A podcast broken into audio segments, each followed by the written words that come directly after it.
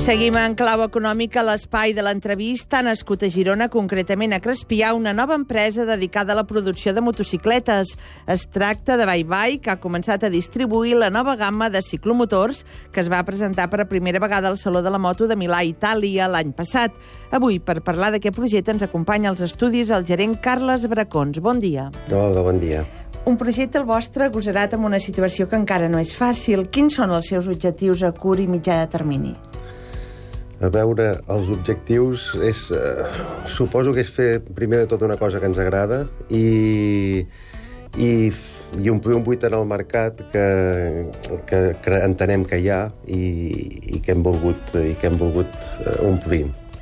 Si vostès donen feina a aquells proveïdors que s'havien vist afectats pel tancament d'altres empreses de motocicletes, com va això? Bueno, en aquí històricament hi ha hagut una gran tradició d'indústria de, de la moto, vull dir, fa poc hi va haver una trobada a Banyoles i em sembla que hi havia, es parlava d'unes 45 marques catalanes que històricament hi han hagut. Pràcticament han desaparegut totes, en queden, en queden algunes, afortunadament, però no és el que hi havia hagut antigament. Hi ha hagut molta deslocalització, moltes empreses eh, per diferents factors han anat plegant, eh, i hi havia un teixit, evidentment, que donava suport a tota aquesta indústria, que, que era tota la indústria auxiliar. Uh, nosaltres el que podem fer és mirar d'aprofitar el que queda d'aquesta indústria. Quants treballadors tenen ara? Nosaltres actualment som aproximadament uns 40 treballadors. El seu mercat és aquí o és a fora, amb les exportacions? Quins percentatges tenen? A veure, eh, nosaltres històricament sempre hem tingut molta vocació de sortir fora. De fet, eh, els inicis estaven voltant als 85-90% d'exportació. Actualment eh, la cosa s'ha equilibrat una mica i segurament estem sobre un 60% d'exportació i un 40% de mercat nacional.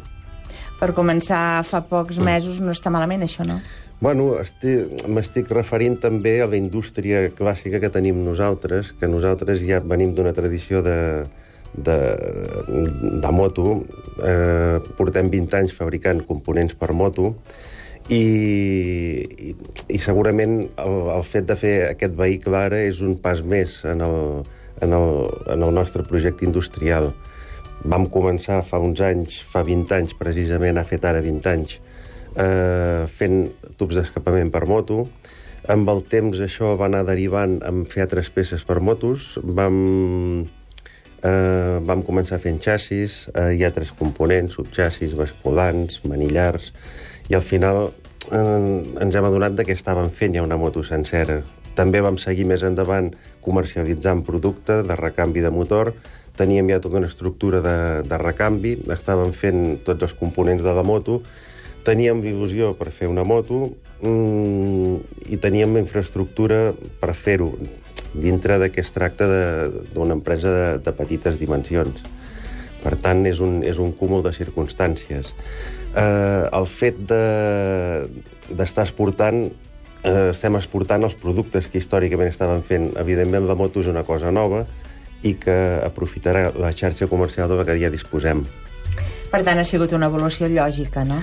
Sí, eh, és una evolució lògica que, evidentment, basada en il·lusió, perquè el, el sector de la moto eh, t'ha d'agradar. Eh, jo crec que la gent que estem al projecte tots, tots ens agrada.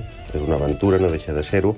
Però, però és, és un pas més de l'evolució, sí. Aquesta motocicleta es pot considerar ecològica? Uh, Ho dic jo... per la cilindrada i pel sistema que està fet. A veure, eh, a partir del moment que et permet una mobilitat eh, mm, àgil per la ciutat, que ocupa poc espai, eh, que té un consum baix, eh, jo entenc que des d'aquest punt de vista sí. Evidentment, estem parlant d'un motor d'explosió, eh, per tant, no és un motor elèctric. Eh, el tema elèctric nosaltres sempre considerem que és el futur, però és clar, nosaltres vivim del present. El dia que tot sigui elèctric, nosaltres ens enxufarem i serem elèctrics. Mentrestant hem de viure de, del que hi ha. Considera que les mesures d'incentius que dona el govern són una bona sortida per al sector de la moto? Mm, jo crec que el sector de la moto precisament és un sector que històricament ha estat al marge de tots els incentius eh, d'aquest tipus.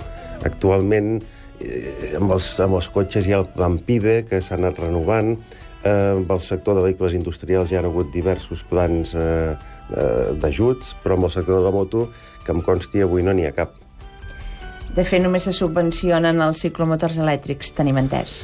Bueno, el tema elèctric hi ha hagut molta tendència a subvencionar-ho, hi han hagut grans inversions i grans fracassos. Eh, nosaltres, eh, insisteixo, jo entenc que és el futur i el dia que siguem el futur ja hi pensarem.